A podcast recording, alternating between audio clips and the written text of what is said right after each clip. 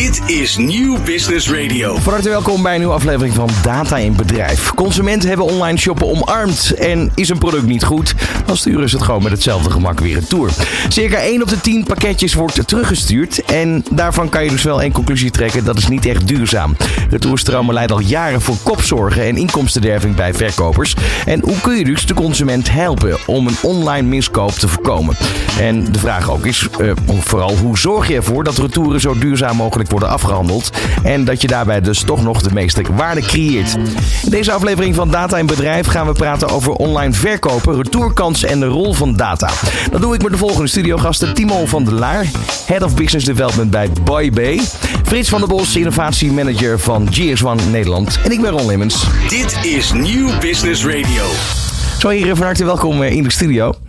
Ja, het is heel herkenbaar. Ik bedoel, als je kijkt naar eh, je omgeving, ik denk binnen de familie zelfs al, zou je wel zo iemand tegenkomen die toch wel overmatig veel pakketjes bestelt en weer terugstuurt. Toch? Klopt, ja. um, ik ga even eerst naar jou, Timo eh, van der Laar. Um, Bye wat doen jullie precies? Um, ja, wat wij doen is wij proberen eigenlijk uh, verspilling tegen te gaan in e-commerce. En dat doen we door uh, retouren, maar ook overstok weer uh, zo goed mogelijk her te verkopen en van een tweede leven te voorzien. Dus eigenlijk precies wat je zegt. Hè? Uh, heel veel mensen retourneren die producten. En wij proberen die geretourneerde producten weer aan een nieuwe eindconsument te verkopen. Kan je nou nog een onderscheid maken in de productgroep? Ik bedoel, ik kan me voorstellen dat, uh, dat er een bepaalde productgroep aan te merken is als de productgroep waar het meeste eigenlijk geretourneerd wordt. Ja, ik denk dat je het zelf ook misschien al wel weet. Ik uh, vermoed dat het iets heeft met textiel te maken. Ja, ja fashion. Hè? Dat, ja, de, de, kleedkamer is naar huis verhuisd. Ja. ja. Um, um, en uh, ja, jullie, jullie hebben dus daar eigenlijk een gat in de markt gevonden. Uh, ja, ja, eigenlijk kan je dat wel. Ik zou niet zeggen gat in de markt. Uh, maar we zagen wel inderdaad uh, dat daar nog niet genoeg partijen op insprongen. En veel behoefte was aan iemand die dat gaat oppakken. er zijn wel al heel veel andere oplossingen in de markt. Zoals opkopers of partijen die het zelf doen. Uh, en wij proberen eigenlijk daar um, van alle partijen die er zijn zo goed mogelijk gebruik te maken. En ook te bepalen van hè, waar moet welk product dan naartoe. Wat hebben jullie nu dan specifiek veranderd in wat er misschien toch wel was?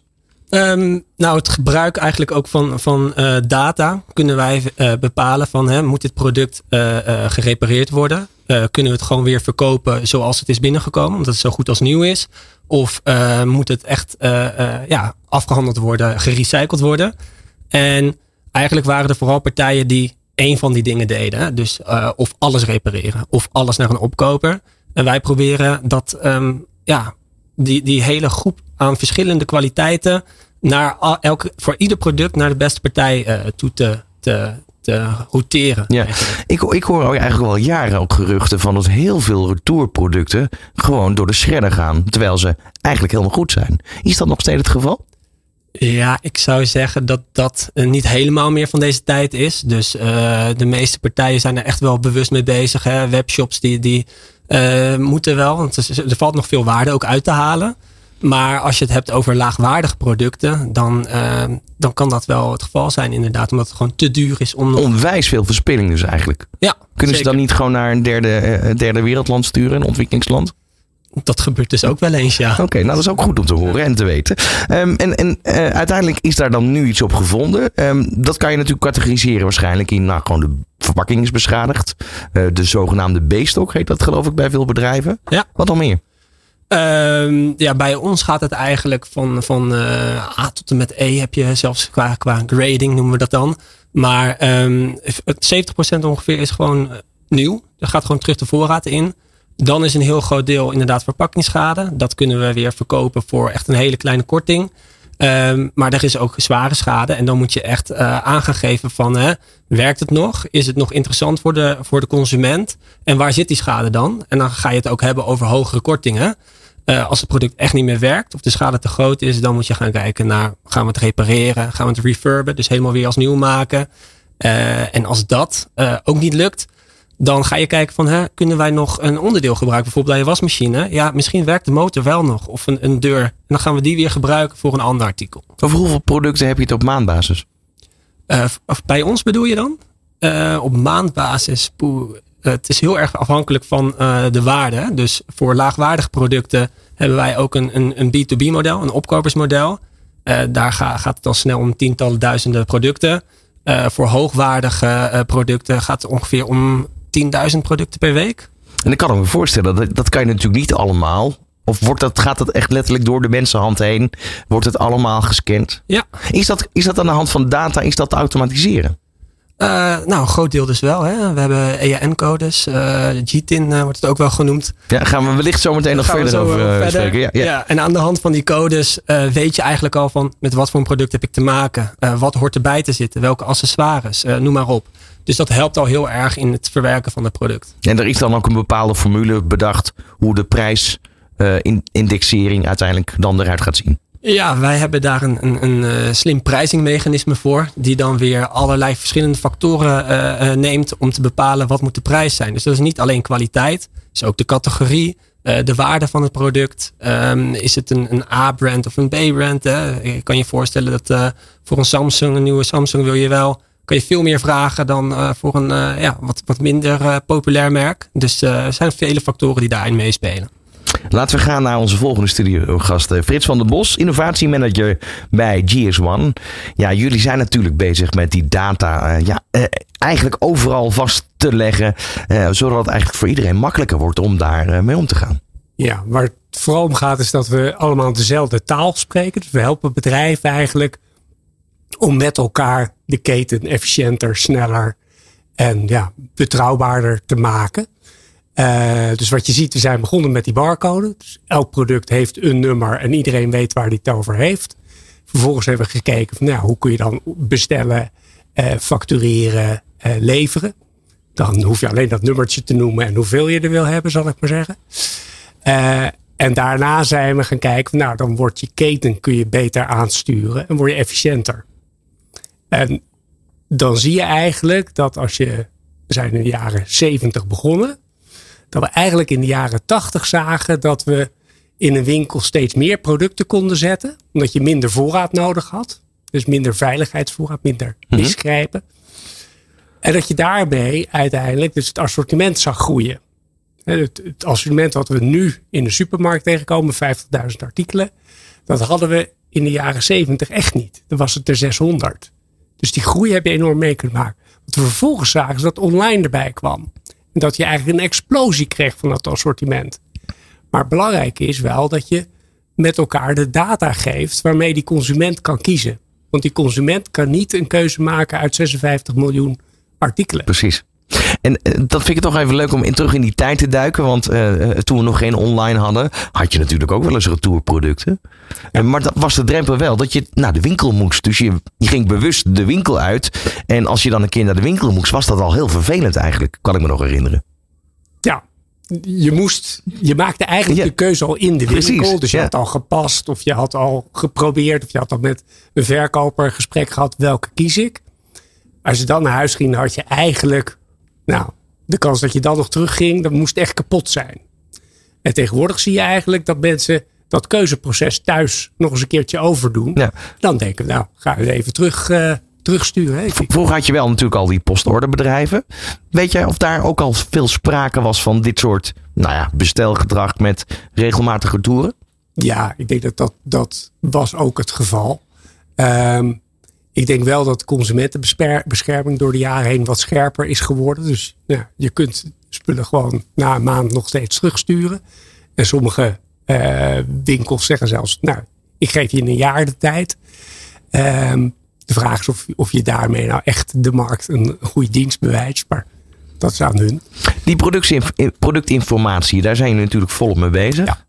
Ja. Um, hoe stel je nou de juiste ja, uh, nou, de juiste informatie samen, laat ik het zo zeggen. Wat, wat heb je allemaal nodig om dit proces van het weer terug in de markt zetten van een product goed te laten verlopen? Ja, nou wat je in ieder geval nodig hebt is de originele data van het product zoals het ooit in de verkoop is gegaan.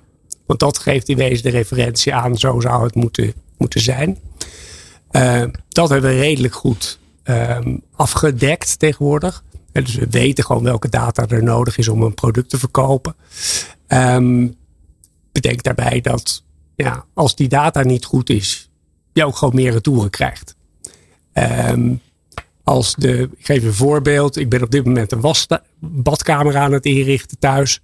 En dan moet ik een wastafel en een kraan combineren. Maar als er de maten niet kloppen tussen waar de kraan moet staan en waar het water eruit komt, dan heb ik een probleem met kiezen. Ja. Dus dan ofwel ik koop niet. Ik denk, dan ga ik toch maar naar de winkel. Want ik ga het eerst even echt kijken hoe dat dan in elkaar past. Of ik koop het wel, maar dan stuur ik waarschijnlijk ook de boel weer terug. Dus daar is die data heel belangrijk voor. Als je kijkt naar Timo's proces, dan ga je kijken naar hoe gaat die individuele wasmachine, wat is daar aan kapot? Wat zit daar aan krassen op? Hoe zit die verpakking? Dus dan moet ik eigenlijk als organisatie streepscodesysteem beheert gaan nadenken over. Hé, hey, maar Timo wil eigenlijk nog beter, nog gedetailleerder weten welk product dat is. Dus die wil data hebben op het individuele item, op die wasmachine van dat type. En niet over de wasmachine van dit type. Dus echt heel Ja, specifiek. en dan kan ik me voorstellen dat Timo gebaat is bij eigenlijk het versnellen van dit proces. Ja. Het, het eigenlijk, eh, ja, nou, wat zeggen we, per product bekijken wat er aan mankeert of Ja. wat er niet aan mankeert, Ja. toch? Ja. Ja, dat klopt. Ja, hey, we gaan er zo meteen verder praten. Want er, zijn oplossingen eh, voorhanden. Ehm nou ja, ik kan zomaar eh, bedenken dat eh, textiel, sterker nog, de, de kledingmarkt, de fashionwereld, daar wel bij gebaat is. Want al die retouren bij de grote winkelbedrijven, ik zie het in mijn omgeving ook gebeuren, uiteraard. Ik kan me voorstellen, als je dat dus terug kan dringen, dat je al heel veel gewonnen hebt. Ja, het begint uiteindelijk bij de aankoop natuurlijk. Dus als die consument daar beter in geïnformeerd kan worden en precies weet eh, hoe het eruit komt te zien, dan eh, kan dat weer retouren voorkomen. Van hippe start-up tot ijzersterke multinational. Iedereen praat mee op Nieuw Business Radio. Ja, en vandaag in eh, ja, Data en Bedrijf hebben we het toch over retourproducten. Het is een hardnekkig iets. Dat hebben we eigenlijk net al wel kunnen constateren. In de studio Timo van der Laar, Head Business Development bij BuyBay. En Frits van der Bos, innovatiemanager bij GS1 in Nederland. Ehm, we hebben net al eventjes een beetje de, de situatie omschreven. Timo, toch nog even terug naar jullie. Ik eh, heb de website voor me. Ja. Ehm, laten we gewoon eens even zo'n zo'n zo'n reis van zo'n product volgen. Ik bestel, ik noem maar wat, bij BCC of bol.com of Blokker bestel ik een product. En dan denk ik, oei, dat is toch de verkeerde. Ik stuur hem terug. Eh, en dan heb ik een retourlabel, kan ik uitprinten. En is het dan zo dat in sommige gevallen dus het adres van het magazijn van jullie, van Bye Bye, daarop staat. En daar alles verwerkt wordt? Of hoe moet ik dat zien? Eh, dat kan. Dus eh, afhankelijk van eh, hoe de, de partner van ons het wil. Dus wordt het eventueel of eerst naar hun warehouse gestuurd of direct naar onze. Wat er vaak gebeurt is dat partijen eerst het zelf willen ontvangen. Daar al eh, de producten die gewoon weer nieuw, eh, volledig nieuw zijn, terug op voorraad te leggen. En dan vervolgens alle producten die echt gecontroleerd moeten worden, doorzetten naar ons. Maar we hebben ook partijen die gewoon zeggen van hè, de consument stuurt alles naar BuyBay. En BuyBay maakt die splitsing. En dan kunnen wij het ook weer als nieuw verkopen indien nodig. En waar zit dan de rol op dat moment voor GS1? Nee, ik denk dat de rol voor GS1 gaat vooral over het identificeren van die producten. Dus als je de barcode scant, dan krijg je meteen de productinformatie van het originele product erbij. En die kan eh gebruiken om te zien van is het ding goed? Dus daar, daar niet, zit het. eh, niet alleen precies. eh, is het goed, maar ook hè, het wordt ontvangen door iemand die eh, begint met de binnenkomst. En die gaat dan kijken aan de hand van dat nummer. Is dit ook het product dat ik hoor te ontvangen? Want het kan ook zijn dat een, een consument een, eh, een andere, ander product terugstuurt dan ze eigenlijk hebben besteld. En vervolgens kom je bij het testen van het product. En dan ziet de, de tester ziet eigenlijk aan de hand van die informatie ook meteen van, oh ja, eh, dit is een, een, een eh, laptop. Die moet ook naar de data wiping afdeling. Dan gaat hij daarheen en dan worden daar alle stappen van dat product gedaan. Zo wordt er gelijk een route gegeven. Ik kan me voorstellen dat het een heel intensief proces is. Hoe- Hoeveel mensen, je, je gaf al aan bepaalde grote producten, heb je het over tienduizenden per week. Hoeveel Ja. mensen handelen dit af? Ehm, nou, we hebben een, een warehouse eh, dus staan in, in Wiegen. En daar Ja. werken zo'n 200 man. eh, die daar dagelijks eh, die producten aan het controleren. Testen, controleren. Ja, Wauw. Ehm, even een, een vraag, eh, Frits. Want jullie hebben onderzoek gedaan met McKinsey. Waaruit eigenlijk blijkt dat data helpt de klant dus in vindbaarheid van een product online. Ehm, dan hebben we wat cijfers. 5 tot 10 procent toename van online verkopen doordat producten beter gevonden worden. Ja. Lijkt me op zich logisch. Ja. Eh, van degene die de aankoop voltooien zegt 64 procent dat het product terug te willen sturen omdat het product niet overeenkomt met de productinformatie. Oei, Ja. daar gaat een Ja. belletje rinkelen. Als, als voorbeeld een maattabel. Ehm, als je als retailer zeg maar er meer wil verkopen, zeg je tegen die dames van je hebt een kleiner maatje. Dus je zegt op een jurk van maat 38 zet je toch eigenlijk 36. Dan is die mevrouw heel blij, want die denkt, goh, wat zie ik er goed uit. Als je dat online doet, krijg je een probleem. Want die mevrouw is ook gewend om bij de, al die andere retailers te kopen. Ja, dus een opmerking van valt groot of valt klein is hierbij eigenlijk wel wenselijk. Ja, maar eigenlijk wil je gewoon dat alle retailers dezelfde maattabel Ja, gebruiken. maar dat, dat weten we inmiddels, dat is utopie. Dat gaat voorlopig niet gebeuren, toch? Nou, we gaan Kijk naar schoenen bijvoorbeeld. Hè? Kijk maar dan naar schoenen. Ik heb het al jaren dat ik eh, in het ene schoenmerk anderhalve maat groter heb dan in een ander. Ja. Ehm, eh, maar in ieder geval, als dit op orde is, zegt dit onderzoek 5 tot 10 procent minder retourzendingen. Dat is nogal wat. Ja, dus als je voldoet aan wat de, de klant verwacht op basis van jouw gegevens, als het dus klopt, dan gaat hij niet terugsturen. Nu hebben we het nog niet eens gehad eigenlijk over de belasting voor het milieu. Want eh, al die, eh, ja, ik bedoel, ik zie het thuis gebeuren. Het is eigenlijk einde van de middag. Je zit een beetje spitsuur in de straat. Daar staat letterlijk een bus van, eh, van een van de bezorgdiensten. eh, pakketjes over te hevelen in een kleinere bus. Dat gebeurt gewoon op straat, aan de lopende band. En dat is natuurlijk overal in Nederland het geval. Enorme belasting eigenlijk van het milieu. Eh, en hiermee draag je ook wel bij om in ieder geval die, die zending iets terug te brengen. Ja, de transportbelasting, dat, dat valt nog mee. Valt dat mee? Ja, Ja. omdat de transport die, die is zo goed ge- geregeld dat ze toch wel die rondjes maken en dan die producten meenemen. Maar de grootste belasting is eigenlijk die producten die niet meer verkocht kunnen worden. Hè, en dan weer vernietigd worden. Of eh, nou ja, mensen gebruiken het product en daarmee wordt het weer beschadigd en gaat het minder lang mee.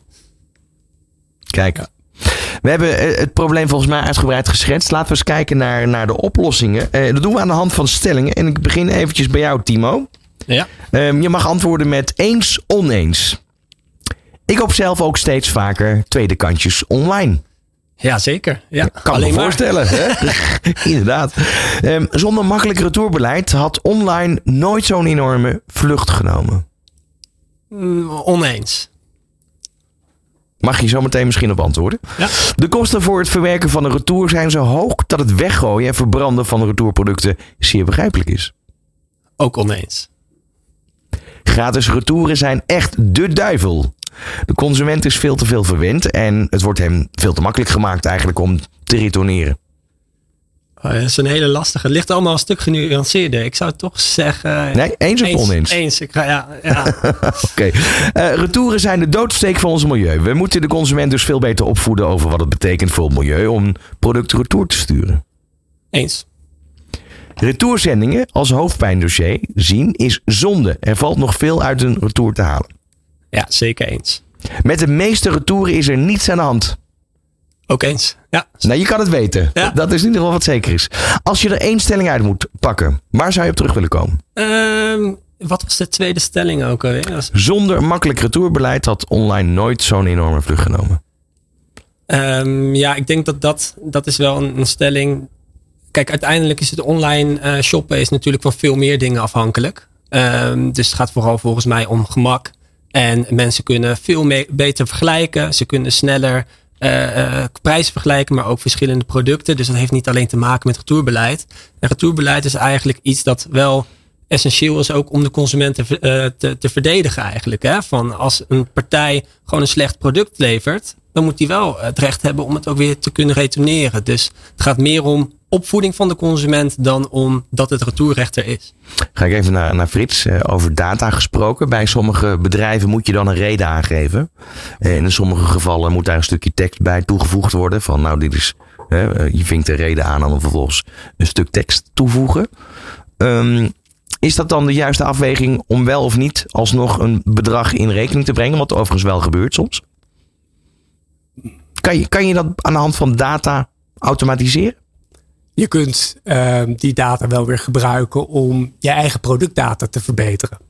Dat is eigenlijk de, de insteek is, als je dus feedback krijgt van de klant op wat is er nou misgegaan in dat aankoopproces, dat je daarmee de processen en het daarbij horende data gaat optimaliseren, zodat je de volgende keer ja, wel raak schiet, zal ik maar zeggen. Maar dat is in de spiegel kijken, dan het, het gedrag van de consument veranderen door te zeggen, we gaan iets meer in rekening brengen bij eh, daadwerkelijk eigenlijk een, een reden waarvan je zegt van nou dit had je als consument zelf kunnen voorkomen. Ja. Kan je daar al nog een beslissingsboom langs de data hangen, als het ware? Pas. Pas, oké. Als ik daarop mag uh, reageren. ja, uh, wij hebben wel uh, partijen die op basis van de kwaliteit van hoe wij het ontvangen, de consument minder uitbetalen. Dus als zij zien van het product is echt beschadigd, dan krijgt de consument gewoon 30% minder terugbetaald. Dus dat is wel een vorm van datagebruik om de consument toch ja, een soort van te straffen voor het gedrag. Al met al kan je één conclusie trekken. Retourstromen zijn een hele grote kostenpost. Extra voerpartijbeweging hebben we het over gehad. Je zegt vooral het vernietigen van producten is een probleem. 13% dat zijn 2 miljard producten, komt terug op de retourafdeling. Dat is het totale aantal. Dat is gigantisch. En uh, de sales focussen zich continu dus op nieuwe omzetten. Dat is eigenlijk wat jullie ook wel uh, gezien hebben. En zien retour dus ook als een probleem. Product op de plank met originele verkoopprijs van 2 miljoen is na vijf jaar verouderd, stoffig en nog meer dan 50% waard. Is daar iets over bekend wat er eigenlijk in de warehouses blijft staan jarenlang? Nou, vaak niet. Vaak weten bedrijven volgens mij zelf niet eens wat er allemaal staat. Maar uh, misschien weet ja. Frits daar meer over. Nee, de, de, ik denk dat we de afgelopen jaren daar wel slagen in hebben gemaakt. Dat we gewoon veel beter weten wat er, wat er staat. Ik, ik werk 30 jaar in de sector. En 30 jaar geleden dan had je Jan. En Jan wist wat er in het magazijn stond. Uh, en dat is, dat is veranderd. Want we scannen allemaal. We hebben allemaal locatiesystemen. Uh, dus ik denk niet dat er heel veel spullen achterblijven. Wat we wel nog zeg maar, zien is dat we bijvoorbeeld oudere en nieuwe producten in een magazijn nog moeilijk kunnen onderscheiden. Dus hetzelfde product, maar één die een jaar geleden binnengekomen is en één die vandaag binnengekomen is. Dan hebben we daar gewoon het eerste wat binnenkomt, gaan we het, het eerste weer eruit ja. sturen. Maar of dat goed gaat, dat hebben we minder grip op. Maar dan zou je toch eigenlijk denken op basis van de retourdata uh, kan je toch al heel veel uh, conclusies daaruit trekken, of niet? Um, je kunt die retouren komen eigenlijk niet standaard terug in dezelfde voorraad. Dus die gaan eerst via Timo, zal ik maar zeggen. Uh, en komen dan pas weer terug in het, in het voorraadsysteem. Duidelijk is dus dat het uh, ja, best wel een heel ingewikkeld complex eigenlijk, of een complex probleem is. Ja. Dan betekent dat dat je daar andere processen voor nodig hebt om, om dit toch te gaan aanpakken. Wellicht databases aan elkaar koppelen. Hè, dus, zodat je per product de hele route kan volgen waar die ook heen gaat. Ja, eigenlijk wil je gewoon ja. het hele product blijven traceren in zijn reis langs de krant, maar ook weer terug ja. de, de warehouses weer in. Um, dus daar zit je inderdaad wel met een, uh, met een uitdaging. En als ik kijk naar GS1, we zijn op dit moment met marktplaatsen en leveranciers om de tafel om daarover aanvullende afspraken te maken. Dus om te zorgen dat je straks die individuele wasmachine gewoon kunt gaan volgen in de keten. En dat je dus eigenlijk ook als consument straks gewoon je telefoon pakt en zegt: Hé, hey, mijn wasmachine is kapot. Pliep. En je wordt automatisch met de serviceafdeling van de fabrikant in verbinding gesteld. En je hoeft alleen maar te zeggen: wat is de klacht? En dan zegt die serviceafdeling: Nou, mevrouw, we hebben even gekeken. Uw product is 15 jaar oud. U heeft zoveel wasbeurten gedraaid. Um, wij willen hem eigenlijk terugnemen, want wij kunnen de motor nog wel gebruiken. Maar voor u is het eigenlijk niet rendabel om deze te laten repareren. Dus we gaan met u een deal aan waarbij u een nieuwe wasmachine krijgt, maar waar wij de oude terugnemen. Nu, nu kan ik me. Er schiet mij iets te binnen. Misschien dat jullie denken van. Hè, wat zegt hij nu? Ik ga hem toch erin gooien. Um, we hadden natuurlijk de problemen op Schiphol met het volgen van bagage. Stel je bestelt een kostbaar product. Uh, je rekent hem van tevoren al af. En je product verdwijnt ergens in de keten. In hoeverre is het mogelijk om er een track and trace, uh, zo'n zo'n ticker heet het geloof ik. Tech. Tekker. Uh, om, om die in zo'n product mee te plaatsen, zodat je hem kan blijven volgen? Heel simpel. Je kunt, je kunt het ofwel met een tag doen. Dus een TS1 heeft daar de RFID-tag standaard voor ontwikkeld door de jaren heen. Maar je kunt het ook met een barcode doen. Dus een, een QR-code bijvoorbeeld, waarin niet alleen het productnummer, maar ook een serienummer staat. Voorbeeld, Friesland Campina heeft blikken met melkpoeder die ze verkopen op de Aziatische markt. Daar is een aantal jaren geleden is daar een groot schandaal geweest. Waarbij ook inderdaad eh, problemen waren waarbij kinderen overleden zijn. Dus die consumenten daar willen heel graag weten waar komt mijn blik melk vandaan.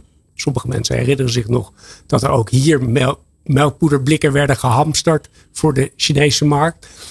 Ze hebben dus nu elk blik een eigen individuele barcode gegeven, een QR-code. Als de consument daar die QR-code scant, ziet hij waar die koeien hebben gelopen in Nederland en waar de melk is gemaakt, de melkpoeder is gemaakt. En hij kan ook nog vragen van, is dit een echt Campina Melkunie blik melkpoeder? Door, en dan krijgt hij op de website een instructie van trek het blik open. Dan zit u aan de binnenkant van het blik ook nog een barcode. En die twee zouden dan gecombineerd moeten worden. En dan weet je zeker dat het echt is. Ja, dit is overigens een heel mooi verhaal. En ik geloof twee uitzendingen geleden hebben we het hier uitgebreid over gehad. Dus mocht je dat willen terugluisteren, dan is dat allemaal te vinden op de website van uh, nieuwbusinessradio.nl. Want dat is inderdaad heel interessant. En dat brengt ook het probleem uh, van diefstal uiteindelijk. Uh, kan je daarmee voorkomen. En ik heb dus uh, van de week een actueel ding gehad. Dat een pakketje op de brievenbus stond. En vervolgens verdwenen is. Nou vind ik het niet zo heel erg. Want er zaten tien toiletblokken in. dus dat is prima. Maar nu moet ik dus er achteraan. Omdat ik hem wel moet gaan betalen, dat pakketje. Dan is het in ieder geval te volgen. Um, dan dan um, heb je nog meer duurzaam recyclen. In hoeverre kan daar nog verbeteringen aangebracht worden? Ja, ik denk dat, dat uh, Frits heeft het gehad over hè, dat alles van een product duidelijk wordt. Dus dat je precies ook weet uh, wat er dan in zit in dat product. Dus als we gaan naar bijvoorbeeld een, een uh, productpaspoort. Of echt de details van ieder product, zoals ook bij voedsel gebeurt. Hè.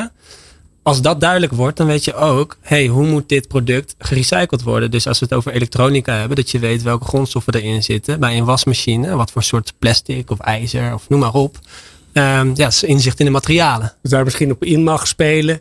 Uh, wat er op dit moment gebeurt is dat de Europese gemeenschap die heeft gezegd van wij willen naar een circulaire economie. Achtergrond daarvan is dat ja, eigenlijk Europa niet zoveel grondstoffen heeft. En zeker niet grondstoffen als het gaat over elektronica producten. Daarom willen ze dat optimaal gebruikt hebben. Ze zeggen dus tegen de industrie van wij willen eigenlijk dat als jullie producten op de markt zetten, dan moeten jullie ook ervoor zorgen dat die repareerbaar zijn. Dus dat we niet meteen alles weer weggooien en nieuwe dingen erin zetten. Maar dat je eerst gaat kijken van kan ik het repareren. Vervolgens kan ik die dingen hergebruiken.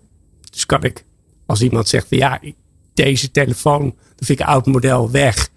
Dat je dan toch nog kan kijken van dan kan ik hem op zijn minst verkopen. Dat we dat zo makkelijk mogelijk maken. Dan ga je kijken naar hergebruik in de zin van kan ik componenten daaruit halen. En helemaal aan het eind van de keten dan zeggen we, nou oké, dan moeten we gaan recyclen. Dan moeten we echt de metalen eruit kunnen halen. Uh, en dan moeten we ook weten waar het van gemaakt is. En steeds meer richtlijnen komen dus ook voor hergebruik van materialen. En zo wordt het steeds ja, lastiger, maar tegelijkertijd met die data ook weer makkelijker voor de industrie om dat proces in te gaan. Die twee dingen dat zijn eigenlijk communicerende vaten. Dus hoe beter je je datahuishouding op orde hebt, hoe makkelijker je mee kunt in dat recyclen van, van goederen en hergebruik van goederen. Want, want tot nu toe eigenlijk heb je het over één ding. Het is en blijft een kostenpost, hoe je het ook bekijkt.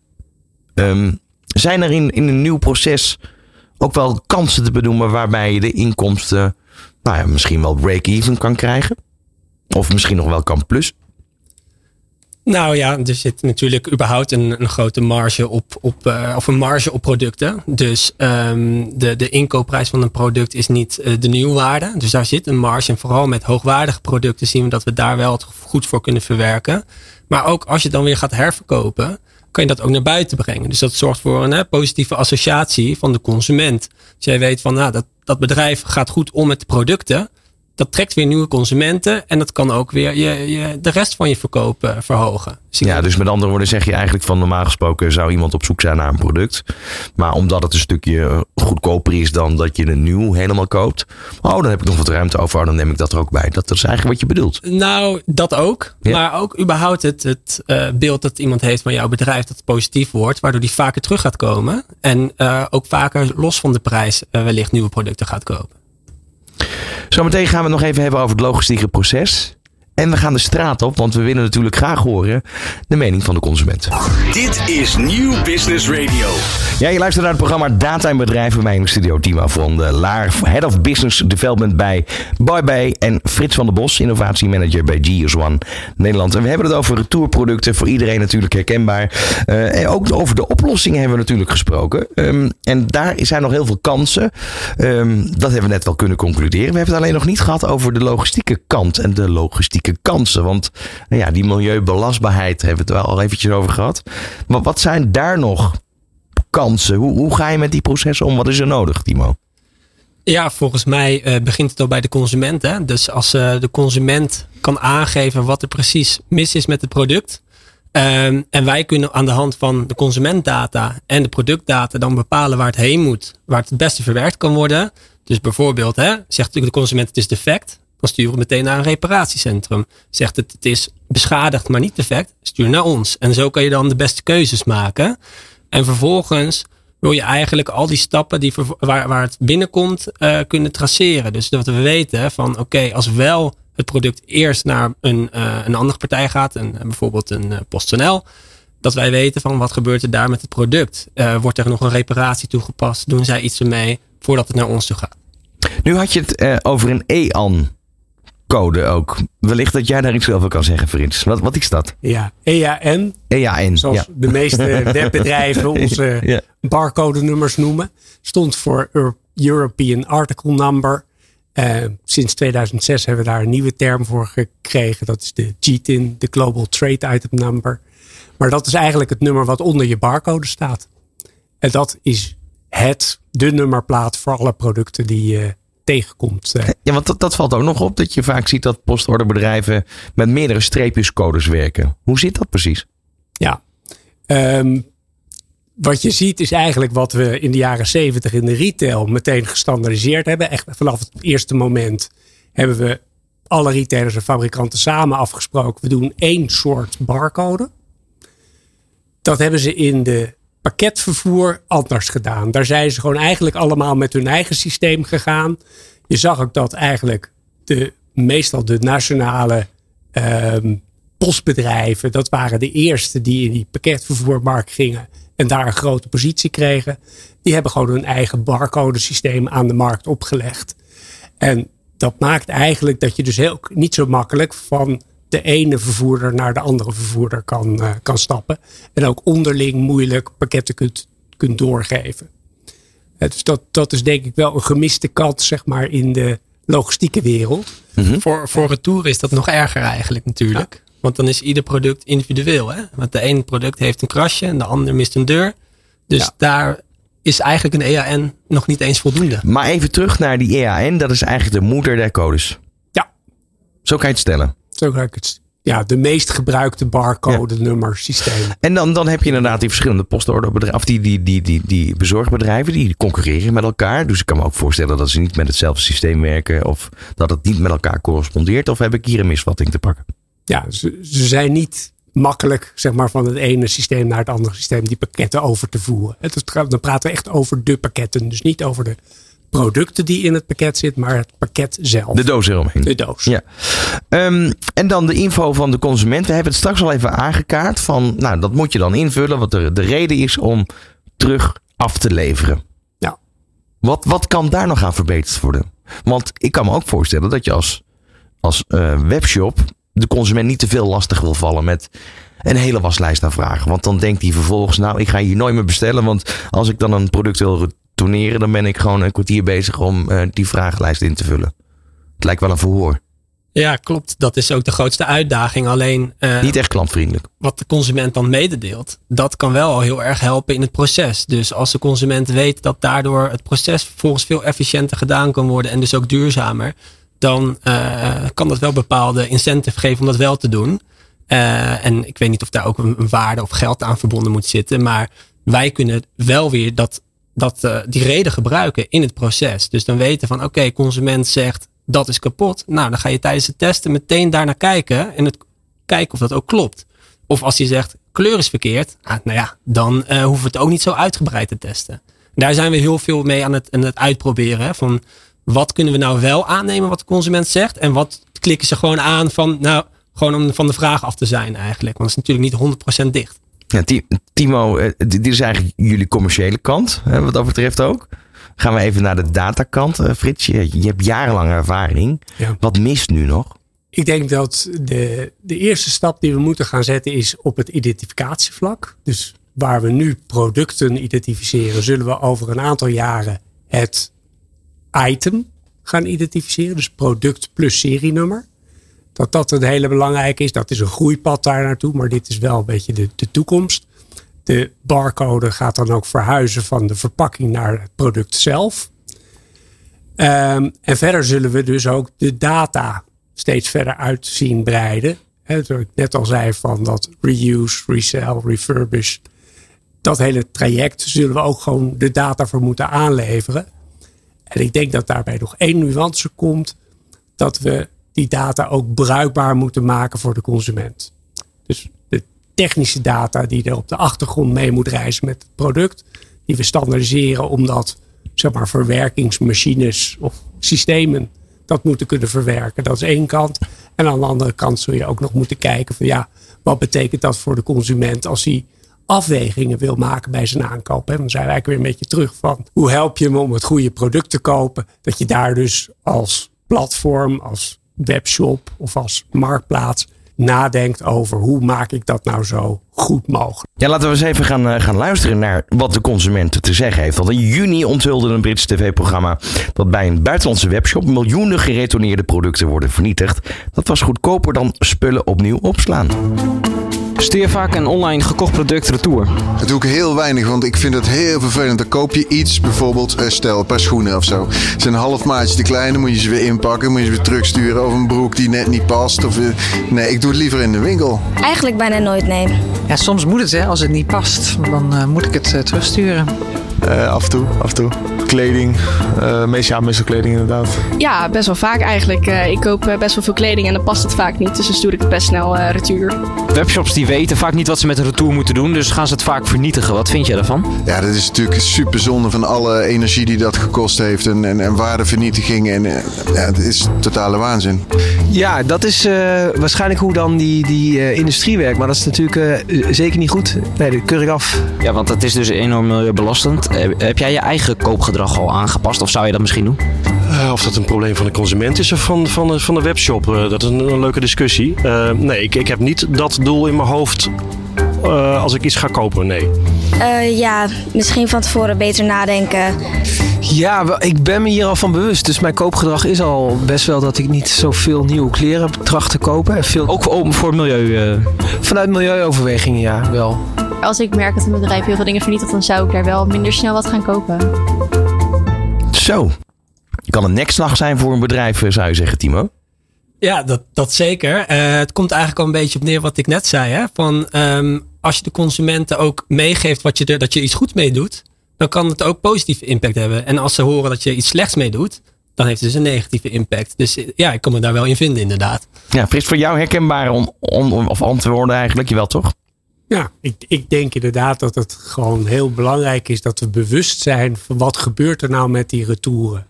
En als de consument daar ook een mening over heeft, kan dat alleen maar bij bedrijven nog een stimulans zijn om daar meer energie in te stoppen. En te zorgen dat we inderdaad ja, werken aan die circulaire economie. Tot slot daar nog één vraag over, over de bewustwording van de consument. Heeft corona hier wel eh, een bijdrage ingeleverd dat we bewuster zijn gaan leven? Dus ook op dit vlak eigenlijk? Oeh, ja, ik vraag het me af. En dat vraag ik me vooral af omdat uh, de consument gewoon veel meer gewend is geraakt om het vanuit huis te bestellen. En dat het huis dus dan uh, een soort van de kledingkast is geworden. Maar we hebben het toch over, over duurzamer werken, uh, duurzamer reizen, noem maar op. Dan zou dit toch ook. Ja, het hebben het niet eens over de voedselketen gehad natuurlijk. Over het algemeen zien we wel duidelijk een trend in dat de consument meer duurzaamheid wilt. Zo in de hele keten eigenlijk. Maar uh, als je dan het, het, consumptiegedrag hoort op bepaalde categorieën, dan is dat natuurlijk nog niet zo. In ieder geval, er is werk in de winkel. Er zijn veel kansen. Er is zelfs aan te verdienen om dit recht te trekken, goed te krijgen. dat, dat hebben we eigenlijk wel gehoord in dit programma. Um, wat willen jullie meegeven als tip aan de luisteraar? Begin toch even eerst bij jou, Frits. Ja, ik denk dat de luisteraar moet nagaan denken over hoe identificeer ik mijn producten. Dus ga nadenken over kan ik er extra, informatie, extra identificatie aan toevoegen, waardoor ik meer gedetailleerd een product kan volgen. Batchnummers, serienummers in de barcodevorm. De barcode gaat sowieso veranderen. Uh, we zitten nu in het bekende streepsymbool. Dat wordt waarschijnlijk een uh, QR-code. Uh, maar dan wel eentje waar die nummers in terugkomen. Want daarmee hou je de functionaliteit van dat nummersysteem in, in stand. En kunnen dus meerdere partijen van hetzelfde nummer gebruik maken. En verder denk ik dat je dus inderdaad nu na moet gaan denken over welke data moet ik meegeven. Welke data heeft straks bij wijze van spreken Timo nodig om een reparatie uit te voeren aan die wasmachine waar de deur van kapot is. Kan die dan heel snel het artikelnummer van de deur vinden die die zeg maar, wil bestellen. Dus dat samenwerken in die keten om die producten zo goed mogelijk bij die consument te krijgen. En als ze een keer geretourneerd worden, om dat proces toch weer snel ja, de andere kant op te richten. Te zorgen dat hij dan toch eigenlijk krijgt wat hij had willen hebben.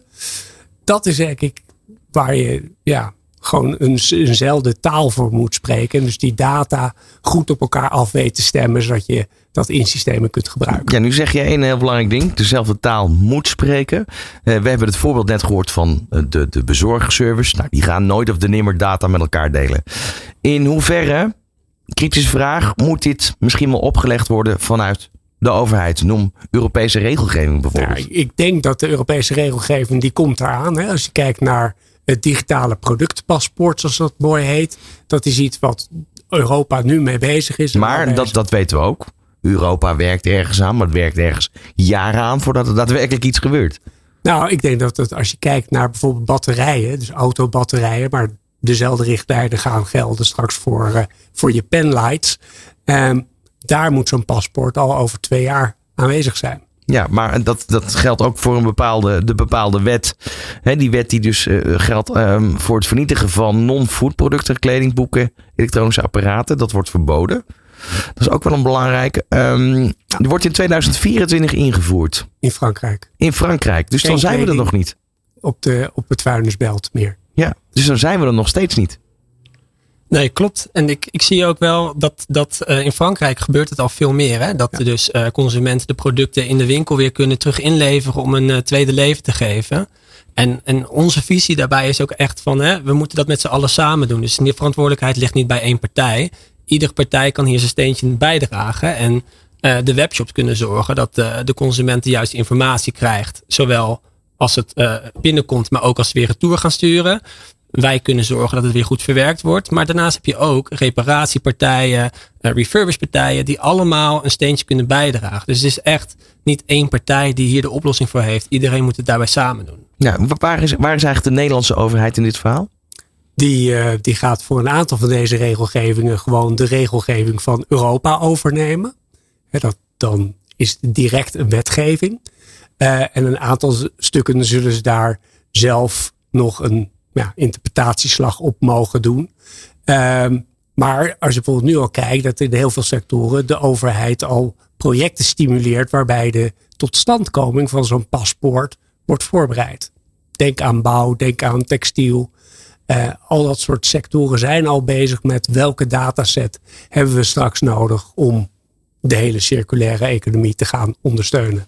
En ik denk dat de luisteraar ook zich daarin wat zou kunnen verdiepen. Om gewoon bij zijn brancheorganisatie bijvoorbeeld informatie in te winnen over waar staan wij. Maar wellicht hebben we nog kansen op dat er een versnelling plaatsvindt.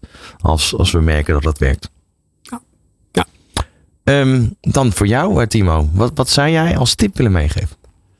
Um, nou ja, sowieso dat uh, retouren ook een kans is. Dus dat zeiden we al eerder. Maar er zit gewoon nog heel veel waarde in die producten. En er is niet één manier om die producten het beste af te handelen. Dus we kunnen alle partijen die in de markt zijn, zoals die repair center, zoals, uh, zoals wij, om het gewoon weer als S is noemen we dat. Hè? Zo, zoals het binnenkomt weer opnieuw te verkopen voor een korting. Uh, daar, daar zit gewoon nog heel veel kansen. En daar hebben we iedereen voor nodig om dat uh, goed op te pakken. De laatste vraag toch nog even terug. Want ja, een internationaal retourproces, dat is uiteindelijk wat je wil. Want al die postorderbedrijven werken met elkaar samen. Ik bedoel, mijn schoenen komen uit Zweden mooi kunnen volgen. Uh, maar daar spreken ze op dit moment nog andere taal. zijn andere regels afgesproken. Hoe ga je dat uh, eigenlijk zonder dat de, de overheid daarbij uh, betrokken is, nu op in? Goed, dat is een, een, lastige vraag. Dat zou ik zelf niet, niet weten hoe je dat in een goede banen kan leiden. Kijk, Frits. Ik, ik, kan er wel iets over zeggen. Um, wat je dan ziet is dat toch uiteindelijk die marktpartijen bij elkaar komen om met elkaar te bespreken van hoe sluit mijn proces aan op jouw proces. Ik zal een voorbeeld geven. Als je als lokale marktplaats op een gegeven moment zegt van nou, ik beschouw dit als een, ik zal maar zeggen, een refurbished project, product. Dan is de vraag, verandert daarbij dan ook na die refurbishment de garantie? En als die garantie dan niet verandert, bij jou. Maar jij verkoopt vervolgens zelf, adverteer je dat product ook weer bij Google Shopping, bij wijze van spreken. En Google Shopping zou dan zeggen: ja, maar er is wel iemand aangeweest. Dus voor mij is dat toch een ander product. Dan moet je het daar wel met elkaar over hebben. En dat is wat er op dit moment gebeurt. Dus we zitten met Amazon, met eBay, met Alibaba, met al die grote jongens boel aan tafel. En ook al die fabrikanten om daar één taal over te af te spreken. Om daar af te spreken van wanneer verandert bijvoorbeeld het productnummer. Wanneer wordt het echt een ander product. Ja, dus ik hoor je ook zeggen, je begint eigenlijk bij de grote jongens. Ja. Uh, en dat is eigenlijk in een grote lijn is dat de massa die je al meteen beetpakt. Dus je hebt al de grote eigenlijk de grote, grote stap ja. in één keer kunnen zetten. In plaats van dat je eerst begint bij de kleine om het agile te houden. En dan nee, gewoon meteen uh, de, de koe bij de horens als het ware. Ja, want als die grote partijen niet mee veranderen ja, dan kunnen we hoog en laag springen. Dan krijgen we eigenlijk een beetje dezelfde situatie bij die vervoerders van die pakketten. Uh, als je daar niet op een of andere manier je voet tussen de deur krijgt, ja, dan wordt het heel lastig om die standaardisatie voor elkaar te krijgen. Ja, Timo, Timo hoe, hoe zie jij de kans van, van Bye uh, in de toekomst? Volgens mij hebben jullie eigenlijk wel een, een, een, ja, een, een, systeem ontwikkeld wat uh, heel erg levensbestendig is voor tientallen jaren, minimaal. Ja, ik zie het ook heel positief. En dat komt ook omdat wij niet zeggen dat wij alles zelf gaan doen. Hè? Dus wij zeggen van we gaan de data gebruiken die we hebben om te bepalen hoe we het weer goed gaan aanbieden en verwerken. Maar we zullen daar ook alle andere partijen in de markt voor gebruiken om hun steentje bij te dragen. En eigenlijk wat, wat Frits ook net al zei, van het is heel belangrijk dat de markt daarin meebeweegt. Op dit moment kunnen we eigenlijk online alleen zeggen van hè, het is nieuw of het is tweedehands. Terwijl het zijn helemaal geen tweedehands producten. Het zijn gewoon, je hebt refurb, je hebt repair. Je moet precies kunnen aangeven, wat is er met dat product. Ik wens jullie eh, veel succes met het eh, verbeteren eigenlijk van eh, de retourproduct, het hele proces eromheen. Dank jullie wel voor de komst naar de studio. Frits van der Bos, innovatiemanager bij GS1 Nederland. Timo van der Laar, Head of Business Development Benelux bij BuyBay. Dankjewel voor het luisteren naar deze aflevering van Data en Bedrijf. We zijn er natuurlijk over een maandje weer. En wil je deze uitzending terugluisteren, dan kan dat via nieuwbusinessradio.nl. Van hippe start-up tot ijzersterke multinational. Iedereen praat mee. Dit is New Business Radio.